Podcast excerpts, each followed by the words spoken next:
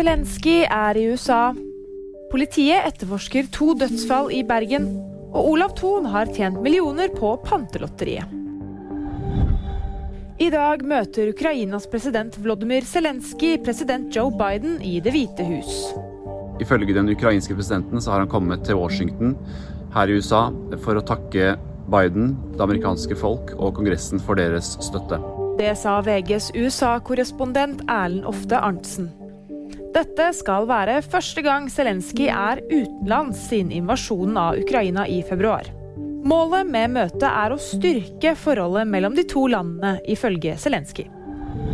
Et åsted som bærer preg av at det har vært eh, ja, eh, dødsfall der.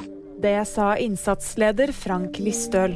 Politiet etterforsker drap etter at en mann og en kvinne onsdag ble funnet døde i Ytre Sandviken i Bergen.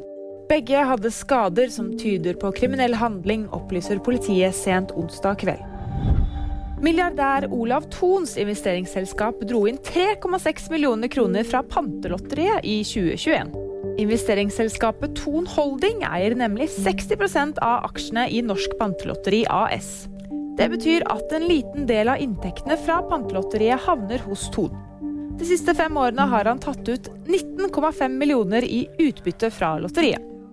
Og VG-nyheter de fikk du av meg, Fride Rivø Lie.